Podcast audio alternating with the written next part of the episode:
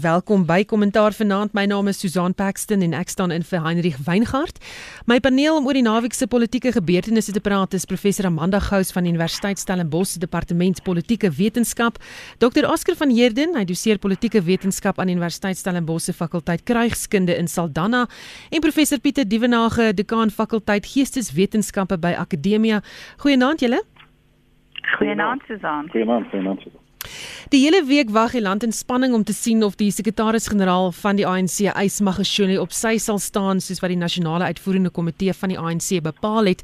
Maar soos baie voorspel het, gebeur daartoe niks nie. Julle interpretasie van die gebeure wat die kwessie aanbetref tot op hede en Amanda, kom ons begin sommer by jou.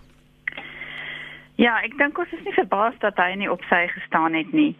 Ehm um, en sy argument is dat uh, dit eers deur die uitvoerende raad van die ANC goedgekeur moet word wat op die 7de en die 8de Mei sit of selfs dat dit moet oorstaan tot die volgende ANC algemene vergadering wat in 2022 is. Um, ek dink dit is nou die groot uitdaging waarvoor die integriteitskommissie uh, van die ANC en die president homself te staan kom is gaan hulle hom skors of gaan hulle hom laat wegkom uh, met met hierdie gedrag. En dit is weer eens wys op die verdeling tussen die faksies in die ANC en die feit dat Ramaphosa eintlik baie min beweegrede het um uh of of beweegruimte het omdat hy bang is as hy die die ehm um, Magashule faksie te te ver dryf dan uh, word die onstabiliteit in die ANC groter. Aan die ander kant uh, is dit 'n uitdaging vir sy uh, vir die regering se legitimiteit in die oë van die burgers want dit gaan direk tot die hele kwessie van korrupsie en en hoe die ANC beloof en gereeld aan die burgers beloof dat hulle uh, korrupsie gaan hoekslaan. So dis 'n baie moeilike situasie. Ehm um, en ek dink dit gaan op die einde ehm um, berus by 'n besluit wat die uh, uitvoerende komitee hierdie week sal moet neem. Oscar Kyk, Susan, uh, ek stem heeltemal saam met Amanda se analise nie. Kyk, vir my is dit jy weet toe hulle besluit toe die NK besluit om vir die sekretaris en ander lede van die ANC te sê hulle moet op sy staan in 30 dae. Ehm um, daai besluit, jy weet as ons dit mooi lees, dan sê hulle alhoewel hy vir 30 dae gaan vat om te gaan konsult en en oud presidente en en en so aangaan ontmoet, staan die besluit nog steeds. Dit gaan nie gereview word nie. Met ander woorde, indien jy besluit na 30 dae, jy gaan nie op sy staan nie, dan gaan jy geskort word. So die die die feit dat daar nou praat van die die volgende NK moet bespreek. Ek dink daar's daar's 'n daar's 'n misverstand. Ehm um, alhoewel indien hulle tog sê dit moet bespreek word, dan sal ek sê gegee die feit dat die ou president ag skiet die president Ramaphosa die getalle gehet het in die laaste NK om eintlik daai besluit te neem in terme van 30 dae dan dink ek dieselfde eh, getalle gaan op sy op saam met hom staan om te sê jy gaan geskort word ek dink so so my analise is dat jy weet wat wat ook al Magashula wil probeer doen hy gaan geskort word as hy nie op sy staan nie. Dit is 'n feit. Sê dit omrede die die politieke punte wat Ramaphosa gekry het net om daai besluit te neem in die laaste NK. As hy gaan dit nie wil verbeur op hierdie stadium nie.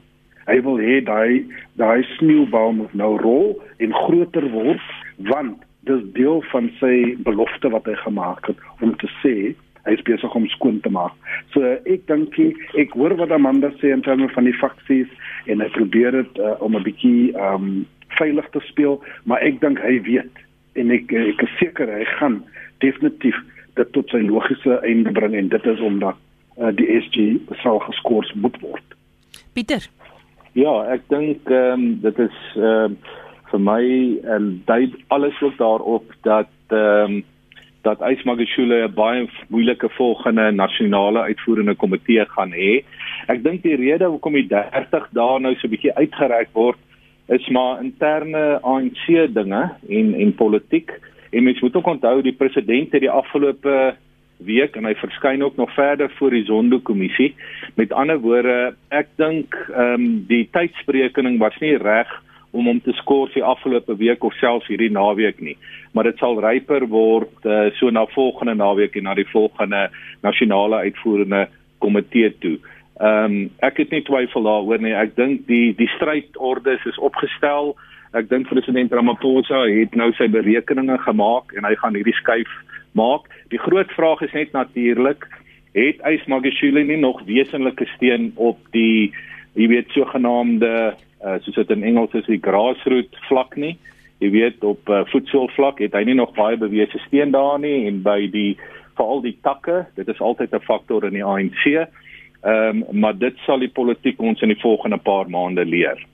Nou Pieter terwyl jy dit genoem het eh, die kwessie wat wenkbroue laat lig het was die president Cyril Ramaphosa se eerste verskyning voor die Zondo-kommissie. Het die verskyning jou beïndruk?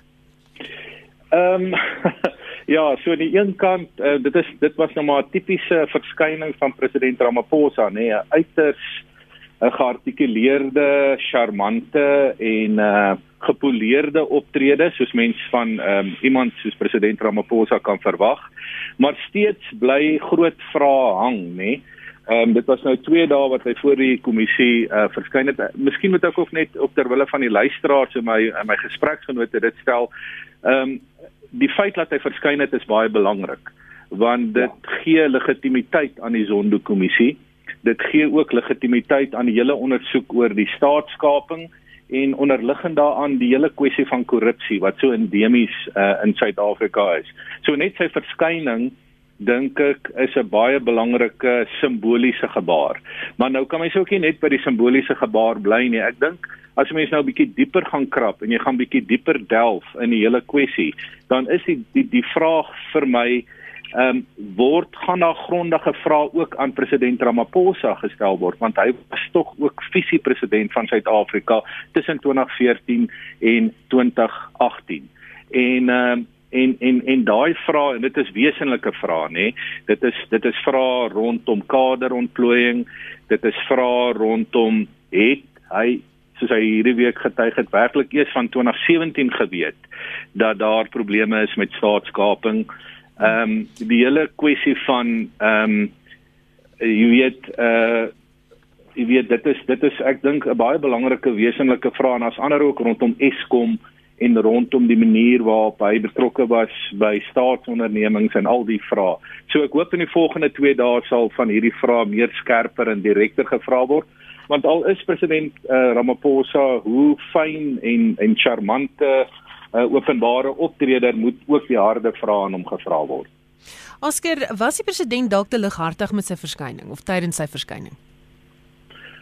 Nee, ek dink so nie, uh, Susan. Ek dink, jy weet, ek dink hy probeer om die indruk te skep dat eh uh, nie dat dit alhoewel dit 'n ernstige saak is uh, en en en ons moet dit ernstig opneem in terme van die sondekommissie en die kwessies wat hulle bespiegel, wil hy graag ook net die indruk skep dat hy sien heeltemal seker hoekom mense so bang is soos voormalige president Zuma om na die kommissie toe te kom hier asof dit uh jy weet uh, uh 'n affære is wat wat eintlik nou sê uh, ons is ons is baie baie ernstig hier en daar's geen ruimte om lighartig te wees en so aan. Ek dink hy die feit dat hy in en ehm um, die eh uh, uh, sonde 'n bietjie kan lag en so aan te same met die regspanne en so voort. Ek dink hy probeer net 'n indruk skep dat dit glad nie 'n moeilike taak noodwendig nie. En ek dink dis 'n goeie ding. En ek wil saamstem met Pieter wat die feit dat hy daar is, fisies antwoorde en blootgestel word aan vrae en so voort, dis baie baie simbolies en is baie baie belangrik. Amanda regter Zondo het gehamer op die punt dat die regering wat die oorsigrol moes speel en die korrupsie en staatskapingsaanklagtes moes ondersoek destyds blaatant dit nie gedoen het nie en dat die president deel was van daardie uh, regering wat nie sy oorsigrol ges rol gespeel het nie. Jou gedagtes daaroor? Ja, ek dink Ramaphosa se optrede voor die kommissie was baie berekenend. Ehm um, hy was daar as die president van die ANC nie as die president van die regering nie en hy was nie bereid om enige iemand onder die bus te gooi nie. So name is nooit genoem nie. Hy het nooit uh, Jacob Zuma se naam genoem nie. Hy het nooit van die ander persone wat sentraal was in staatskaping genoem nie. Hy het wel gesê die ANC het gefouteer en dat hulle foute gemaak het en dat hm, Nou ek voel as daar 'n lyn verloor. Ehm um, Amanda, jy's nog daar nie? En Ja, maar daar's 'n groot geraas nou. Ja. Ons hoor gou Pieter. Nee, lyk vir my soos uh, iemand wat ons daar vloot. Ons gaan gou kyk of ons julle kan terugkry op die lyn. Weet nou nie presies wat daar gebeur het nie. Sou net vir ons aan die wat daar is en uh, wie stop daar? Pieter? Nee, Oscar. Nee. Oscar Ja, hier en. Amanda. Goed, Amanda, jy kan vir my voortgaan. Ons gaan gou-gou die net vir Pieter in die hande probeer kry. Goed. Ehm um, die uh, weet uh, geen name is genoem nie en hy het wel gesê die ANC het gefouteer en dat die ANC verantwoordelik was vir staatskaping maar alles op 'n manier wat niemand um, basies in gedrang bring nie wat wat homself nie uh in in gedrang bring nie. En die die argument wat hy basies gemaak is dat daar's goed wat hy nie kon weet nie dat hulle in silo's werk en dat hy nie van goed bewus was nie. Nou en ek dink dit is die rede hoekom um, Zondo vir hom gevra het. Ehm um, jy weet jy was die visiepresident en uh, daar moes tog seker goed gewees het waarvan jy bewus was. So tot op hierdie punt het hy nie eintlik enige skuld aan enige iets erken nie of enige iemand ehm um, aangedui wat wat skuldig is nie. En spesifiek Jacob Zuma, ek dink mense het verwag dat uh, hy hy hom sal noem, maar ons weet ook dat hy in sy laaste besoek aan Kandla uh vir die vir vir die vorige president gesê het maar jy is 'n uh, 'n leier vir my en jy is 'n 'n 'n ouer 'n elder. Um en in die in die um uh stemmateriaal wat gelek is. So ons weet hy wil nie uh vir Zuma eintlik um vervreem nie en en dit is 'n groot probleem. So ek dink hy moet weer voor die kommissie verskyn en dat daar dan hierdie indringende vrae gevra gaan word en die vraag is dan verskyn hy weer as die president van die ANC of verskyn hy dan as die president van die land en wat gaan hy bereid wees om te sê? Maar dit is nie, ekskuus, Oscar, wat wil jy sê? Nee nee, ek wil gesê het uh, Susan dat jy weet hy speel politiek, ek stem saam met Amanda. Hy speel politiek, maar tog jy weet die feit van die saak is hy probeer 'n indruk skep. Want kyk hy's hy's op hierdie hele missie wat sê ek wil graag eenheid bevorder in die ANC. Alhoewel daar hierdie faksies is, ek myself as die president van die ANC moet nie gesien word asof ek dit 'n uh, soort van pet, petrol op die vuur gooi nie. En so daar's 'n daar's baie baie sliks in in terme van hy, hy wil seker maak hy gaan nie Zuma se naam noem nie omrede Zuma homself as 'n ouderling en as 'n leier moet voor 'n dag kom en vorentoe staan en sê ek het foute gemaak en ek erken dit. Ehm um, want as hy dit gaan doen dan gaan dit gesien word asof hy nog steeds op daai faksie faksielyn is en ek dink dit is dis is jy weet of jy dit nou wil noem presidential of jy dit nou wil noem 'n goeie leier maar ek dink is baie baie uh, calculated. En hy hy besluit hy het gesê hy gaan nie noodwendig vir Zuma se naam noem nie want hy wil hê Zuma moet self erken sy foute en en so aan sodat hy nie gesien word as 'n een wat nou verder 'n uh, 'n uh, 'n sloot in die in die faksie uh, uh, dinge in die, in die party doen nie Goed, maar dit is nie net die ANC wat blyk in 'n krisis te wees nie. Die DA leier in die Weskaap, die Gizela het bedank uit al sy politieke leierskapsposisies weens die feit dat hy glo gejok het oor sy kwalifikasie. Dan het die ALR vir gesondheid in die Weskaap, Noma French Mbombo ook kort daarna bedank. Uh, Gizela voer aan dat die weet dit al hierdie goed gebeur het omdat die DA bang is vir iemand wat hy nie kan beheer nie. En dan blyk daar ook 'n leierskapstryd te wees tussen Albert Fritz en Wendy Philander. Julle gedagtes oor wat hier gebeur het, uh, Pieter? Ja, dis baie interessant. Jy weet, ehm um, Susan, ehm um, mens sou mens sou hoop dat die DA jy weet die uh die dinge rondom die ANC tot sy voordeel gebruik, jy weet, en en en maar dit lyk of die DA ook maar sy eie kwota probleme het. Ehm um, dit het natuurlik baie van hierdie moet mense ook saam lees met die herposisionering van van die DA van so 'n jaar of twee gelede en met figure soos John Steenhuisen en Helen Zille wat nou weer baie prominent na vore getree het. Wat tog vir my goed was rondom die hele Madikizela situasie in die Wes-Kaap is is dat die rassekaart nie gespeel is deur hom nie. Kyk, hy was hy was nie gelukkig om daai pos te kry nie. Uh, dit is 'n baie baie invloedryke pos binne die DA, jy weet om leier te wees van die DA in die Wes-Kaap. Ehm um, en ehm um, Nou hy was nie gelukkig om daai pos te ontruim uh, ontruim nie, maar soos ook Helen Zille dit uh, gestel het uh, in 'n in 'n persberig wat ek gelees het, ehm um, het hy nie die uh die die rassekaart gespeel nie en dit is tog gesond vir ons politiek. Jy weet en ehm um, en dat uh, wat vir my tog ook belangrik is en en hier moet ek die DA komplementeer uh is die feit dat um, as 'n persoon nie oor sy CV die korrekte inligting gegee het nie dan gaan daar optrede wees en ek dink daardie tipe van kom ons noem dit maar politieke etiek is baie belangrik vir ons in Suid-Afrika uh gegee dat ons so steier onder korrupsie en dat politici maar kan droogmaak maar hulle word elke keer weer oorgesien. So ek dink dit is 'n gesonde beginsel en dit is baie interessant. Die dit ek lees dit ook saam met die hele herposisionering van die DA en die manier waarop John Steenhuisen en Helen Zille die party wil bestuur. Amanda, ander partye die DA agter van dubbelstandaarde beskuldig hier. Ja, um, ek wil net opwys dat Norma French Mbombo wat um, Madikizela se lewensgenoot is, het nie bedank uit die DA nie, sy het bedank uh, uit die ja, vroue netwerk, uh, ja. Ja, en so, sy is nie meer op die federale hmm. raad nie, maar sy is nog in uh, die die LER vir ehm um, gesondheid. vir gesondheid. En ehm um, ek dink sy het dit gedoen uit solidariteit met Madikizela. Ek ek dink daar is 'n dubbelstandaard ehm um, van die ehm um, die die wet ehm um, die alede het ook erken dat hulle ehm um, gelieg het op hulle CV's en ehm um, ek het nou 'n naam vergeet die die die die vroulike die al het wat gesê dat sy sy ook nie 'n graad nie.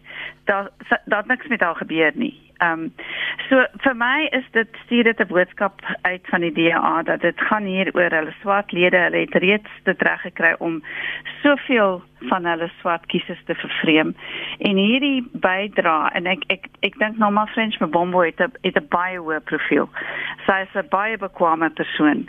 Uh, dit stuur 'n baie slegte boodskap. Ehm um, en daarmee keer ek nie goed dat dat Madikizela gelieg het op sy CV nie, maar dit kon miskien op 'n ander manier gehanteer gewees het en ek dink ook die feit dat dat daar uh, dat hy op 'n sekere manier is en dat daar 'n uh, ander persoon is op 'n uh, wat wit is op 'n ander manier hanteer is stuur 'n baie slegte boodskap uh, vir die vir die kiesers.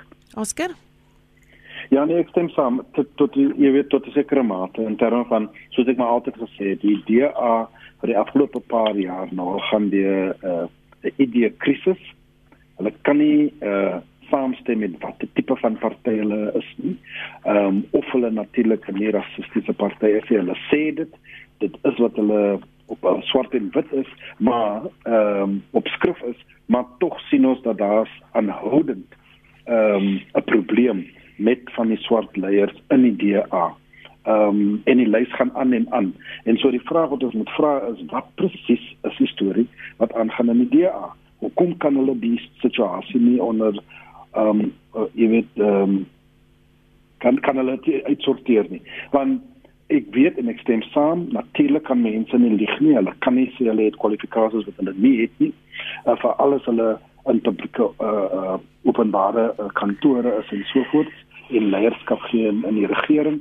Ehm um, so vir dit alleen moes hy uh, definitief een kant toe gestaan het en en ehm um, bedank het. Maar tog kry ons gevoel dat daar was 'n bietjie meer wat ingegaan aangegaan het in die party self rondom hierdie kwessie en dis die rede hoekom mense nou praat van ehm um, die dubbelstandaarde en so voort. Ehm um, ek dink jy weet net om te sê uh, in die, in oor die algemeen as daar mense is in die regering wat lieg oor hulle kwalifikasies en en so voort dan ehm um, is daar gevolge gevolge. Uh, ek wil nie die indruk skep dat uh, jy weet in die ANC of in ander partye ehm um, word hulle uh, jy weet mense kyk ander kant toe as dit gebeur. Ek dink waar ons situasies gehad het en daar was talle al oor jare waar mense besef het dat uh, mense het gelieg en leuns vertel in terme van hulle kwalifikasies. Gewoonlik word daai mense in die pad gesteek uh, en so aan. 'n Interessante situasie wat daar ontvou. Dan die afgelope week was daar die Piet Retief hofsaak. Ehm um, dit na die dood van die Koukamp broers en die vyf mense wat in die hof verskyn het in 'n borgtog aansoek daarna. Die media berig oral dat die twee mans doodgeskiet is deur van die boere wat op die toneel is. Geen van die landbougemeenskap word gevra wat gebeur het nie en die polisie neem die mense toe nou in hegtenis en sit 'n verklaring uit dat hulle vermoord op die twee broers in hegtenis geneem is. In die hof kom dit toe uit dat daar 'n video is wat 'n ander storie vertel as wat die getuies aan die polisie en die media vertel het en moes die ondersoek beampte toegee dat dit blyk die getuie het nie almal of die getuies het nie almal die waarheid gepraat nie. Die mans is borgtog toegestaan, maar die dorp brand. Gemoedere loop hoog. Mense ruk weer op na die plaas Vrydagmiddag na die borgtog um, toegestaan is. En gemeenskapsleiers sê hulle weet nie wie die mense is wat betoog oor die probleme nie. Hulle word van elders af ingery. Wat is julle interpretasie van gebeure daar, Oscar? Jy weet so dan die die die kwessie die ras kwessie ehm um, kan ons nie verder vermy nie.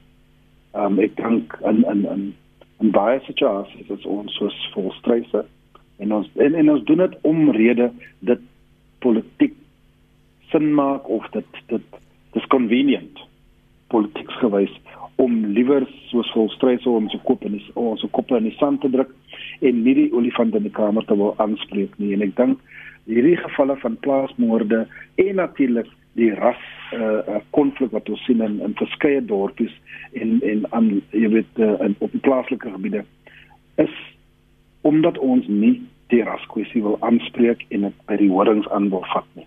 Ehm um, want ek dink ek wil graag sê dat daar is outomatiese haat uh tussen swart en wit nie glad nie. Ek dink daar's talle talle voorbeelde ehm um, waar verskillende rasgroepe ehm um, samelewing en die samelewing in Suid-Afrika goed uh, benader, maar daar is baie gevalle.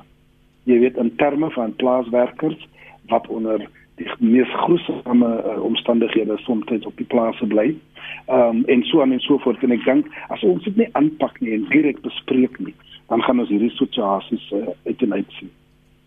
Pieter, waar stuur hierdie gebeure en alles wat daarna gebeur het af? Ja, dit het my ek moet sê baie laat dink aan Senekal, nê? Nee? Dit uh dit het onmiddellik die beelde weer opgeroep. En die hartseer van alles is vir my dat dit speel af op ons platteland en veral hier in die noorde van die land. Is die platteland omtrent vernietig. Jy weet die dorpe, die dorpe, spookdorpe of ehm uh, jy weet dis dorpe wat wat nie meer uh, enigstens goed bestuur word nie en dan jy nou nog so 'n hofsaak ook daarbey uh dit is net dit is dit is eintlik net 'n verskriklike prentjie. Nou uh, my my uh, interpretasie van die saak Susan is dat uh, die gebeure dis baie troebel wat daar gebeur het. Jy weet ek wil die woord troebel gebeur gebruik. Ehm um, en dit is goed dan dat borgtog nou toegestaan is en laat die saak nou behoorlik ondersoek word. Maar 'n laaste punt wat ek net wil maak oor die saak is ehm um, ek dink dit is ehm um, dit is nie gesond vir die Suid-Afrikaanse politiek vir die Suid-Afrikaanse ehm um, uh, omgewing as elke hofsaak in die platteland in 'n tipe van 'n klein oorlogie nou uh, verander nie. En op die manier uh, uh, in in 'n sekere sin sal die polisie moet ernstig gaan dink hoe om die dorpies te beskerm uh, die dorpies wat in so 'n toestand ook is wat ek nou beskryf het Ehm um, en en en laat daar nie op die platteland een of ander ding verkeerd loop nie. Dit kon in Senekal gebeur het en nou weer hier in Pietretief. Ehm um, en my uh, jy weet mense mense wonder of daar nie meer kreatiewe maniere kan wees om die skare so 'n bietjie uit die midde van die dorp uit te te hou nie, nie te na aan die hof nie. Ehm um, en en en dan is daar natuurlik die groot vraag soos jy dit ook gestel het in jou inleiding, die skare wat daar was, was dit die lokale mense of is hulle ingery?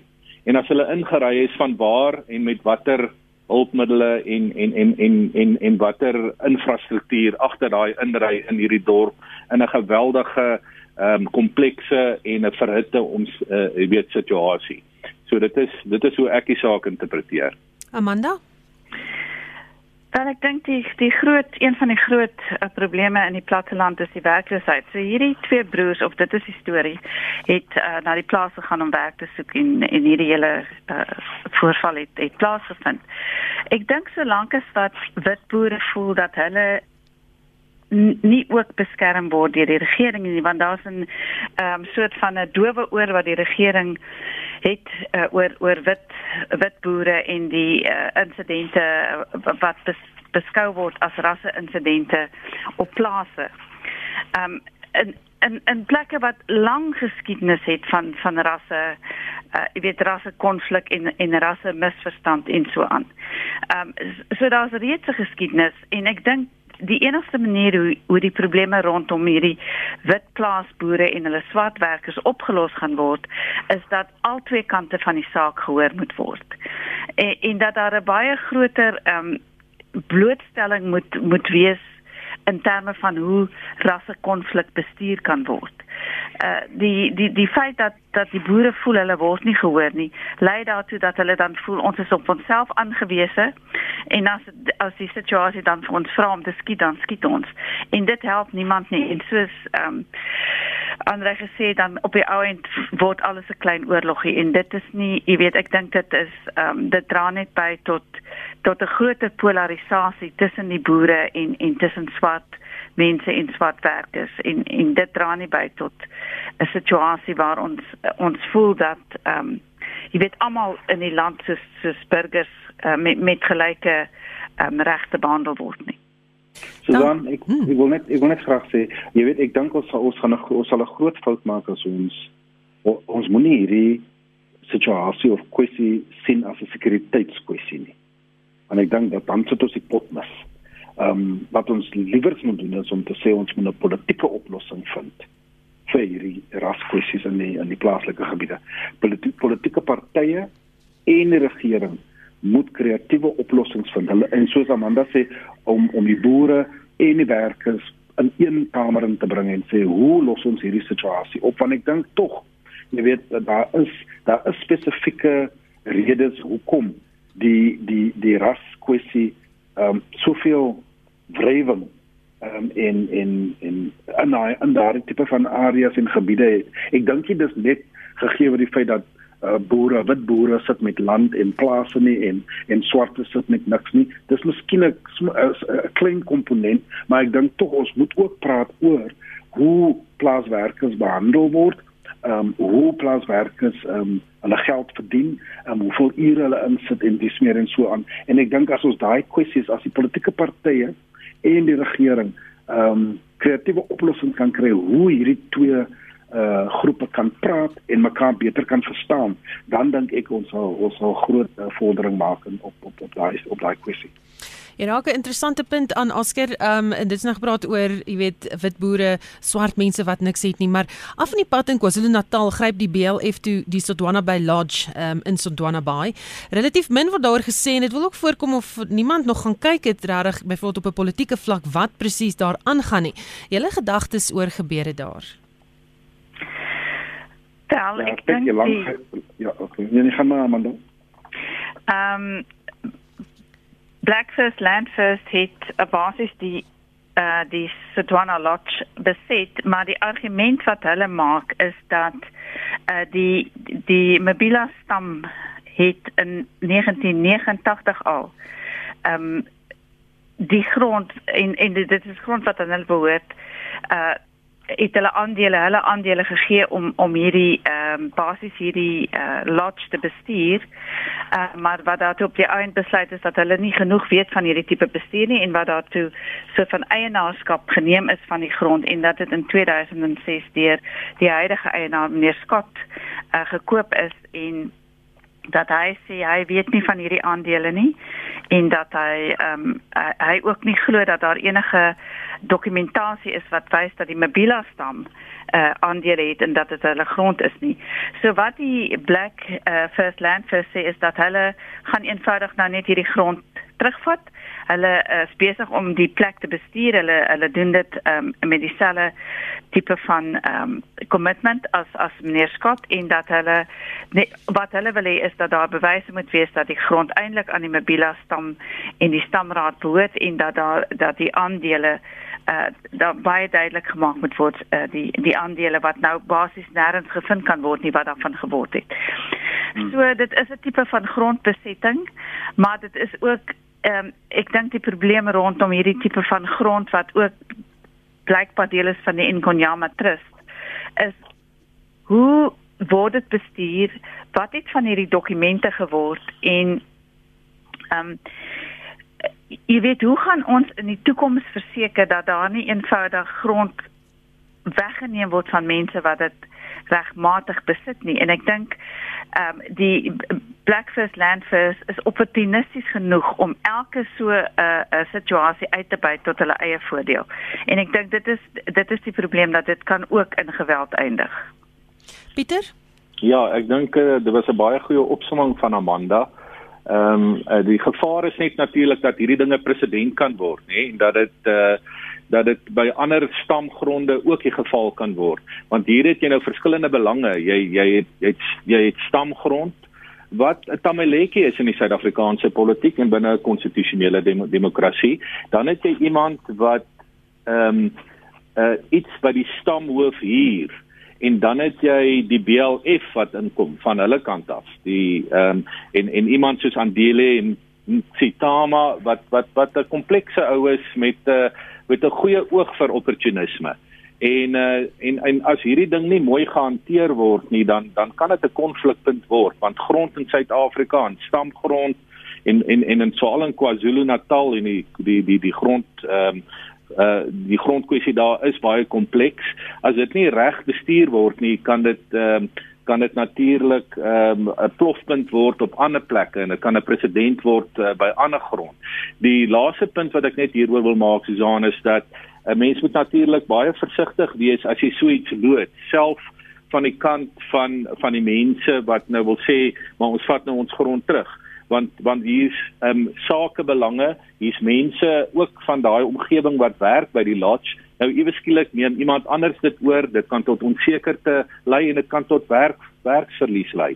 So dit is 'n dit is 'n baie komplekse prentjie en ek hoop die die verskillende rolspelers sal so 'n bietjie weer 'n aand goed gaan slaap oor hulle handelinge en en werklik diep gaan dink waarmee hulle besig is. Oscar Musi Inkonyama Trust 'n groot rol gespeel het in hierdie gebeure. Ek dink tog so, ek dink tog so. Ehm um, jy weet hulle hulle hulle hulle sê dat hierdie ja weet baie miljoene uh, uh jy weet grond wat aan hulle behoort en so aan. En ek dink hulle kan 'n groot rol gespeel het om te probeer om hierdie te te te um, onderhandel tussen die groepe maar ek wil tog sê so dat jy weet um, in terme van hierdie spesifieke uh voorbeeld um, of of kwessie uh, jy weet mense praat van die onsigbare mense op die plek op die platteland nou, onsigbare mense is plaaswerkers en hierdie verandering van eienaarskap is 'n groot groot probleem in die plaaslike gebiede. Want jy kry jy kry talle families, 3, 4, 5 families wat op die plaas bly vir talle jare al, dekades in sommige gevalle en dan besluit die boer hy gaan die plaas verkoop en dan die nuwe eienaar kom in en gegee word die feit dat hy geen 'n kommitment gemaak het teenoor daai mense nie, gee hulle 'n maand of twee om af van sy grond af te te te, te gaan. Ehm um, ongeag van feit dat hulle daar vir dekades bly en dat die kinders in die skole is en so aan en so meer. En ek dink daar's ook 'n situasie hier waar ons sien dat ehm um, die mense wat toe nou die die lodge verkoop het aan die nuwe eienaar meneer Scott. Ehm um, jy weet dit nie noodwendig gepraat oor daai tipe van uh, ooreenkomste wat aangegaan het jare terug nie. Ehm um, en dis eintlik wat wat deel is van die probleem. So daar's 'n sekere mate van basis ook met bewustheid van die feit dat gegee word die feit dat jy net eienaarskap verander, beteken dit nie dat ehm um, ooreenkomste nie aangegaan aangegaan uh, gehou moet word nie gehandhaaf moet word nie. Ja. Kom ons gaan na internasionale nuus toe want ons tyd hardloop nou vinnig uit. Die afgelope week was dit die president van die VSA, Joe Biden se 100ste dag in die stoel as president. Ehm um, Pieter, jou gedagtes ja. oor die 100 dae? Ja, Susan, is my baie interessant, nê, nee? die uh, die eerste indruk wat ek gekry het van die gebeure rondom sy sy toespraak daar in die kongres was die min mense wat daar was. Dit nou dit het natuurlik met die pandemie te doen, maar dit was nie daai tipe van jy weet eh, 'n uh, gepakte huis wat mens gewoonlik verwag van 'n van 'n Amerikaanse president nie. Maar uh, om jou om jou vraag nou meer direk te antwoord, ek dink uh, president Biden staan voor baie groot uitdagings. In die sin, hy het wel die uh, die kongres uh, word deur die demokrate beheer sowel as die senaat is dit beide nie groot meerderhede wat hy daar het nie. En hy het groot inisiatiewe wat hy van stapel wil stuur, jy weet, hy wil eintlik radikale politieke, ekonomiese en maatskaplike veranderinge in Amerika aanbring en dit is te midde van groot sleutelvraagstukke soos die pandemie wat nog woed, weet die kwessie van immigrasie, die die beweerde polisiewreedhede die gesondheidsorg wat moet verander word, die onderwys wat moet verander word, infrastruktuur, polarisering van die Amerikaanse samelewing sowel as die hoe gaan Amerika se internasionale rol speel in die toekoms. So dit is alles geweldige sake vir hom. Nou hy kom natuurlik uh, na vore met 'n klomp inisiatiewe. Die groot vraag is net ehm um, kan die Amerikaanse ekonomie al sy planne bekostig en gaan hy die Amerikaners saam met hom neem of is hy nie nog steeds so half op 'n anti-Trump uh jy weet veldtog ehm um, en en en dat hy nog nie uh, behoorlik jy weet sy dinge deurdink het en en dat hy die Amerikaners saam met hom kan neem nie. Ek dink die jury hieroor is baie is uit. Uh, dit is nog nie duidelik nie en dat ehm um, president Biden se presidentskap is nog baie oop vir baie moontlikhede, maar dit kan ook ernstig skeefloop. Amanda? Wel ek ek dink ons moet kyk wat hy nou in hierdie eerste 100 dae vermag het en ek dink die die belangrikste ding is die COVID inentings. Uh 243 miljoen Amerikaners is ingeënt. Party meer as een keer so dit bring ons by omtrent 40% van Amerikaners wat ek dink in 100 dae nie sleg is nie. Uh die troepe uit hy gaan die troepe uit Afghanistan onttrek. Um hy uh, is terug uh, by klimaatverandering terug by die die Parys ooreenkoms uh, Amerika is weer deel daarvan.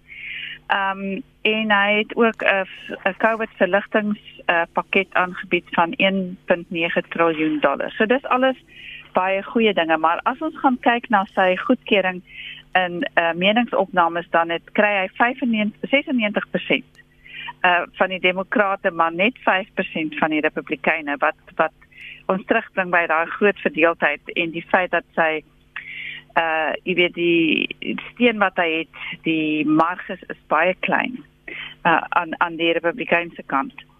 So en die goed wat ek dink regtig 'n kopseer vir die Amerikaners is is die probleem met migrante want hy gaan voort met Trump se beleid oor uh wie toegelaat word in die land en as ons gaan kyk na die groot hoeveelhede mense wat nou buite die die grense sit uh, veral in Mexiko en en wat nêrens het om heen te gaan nie dan word dit 'n humanitêre krisis. Veral wanneer dit is die uh, baie groot uh, hoeveelheid van van die mense is kinders wat onvergesel is deur hulle ouers en en dit is 'n baie groot probleem.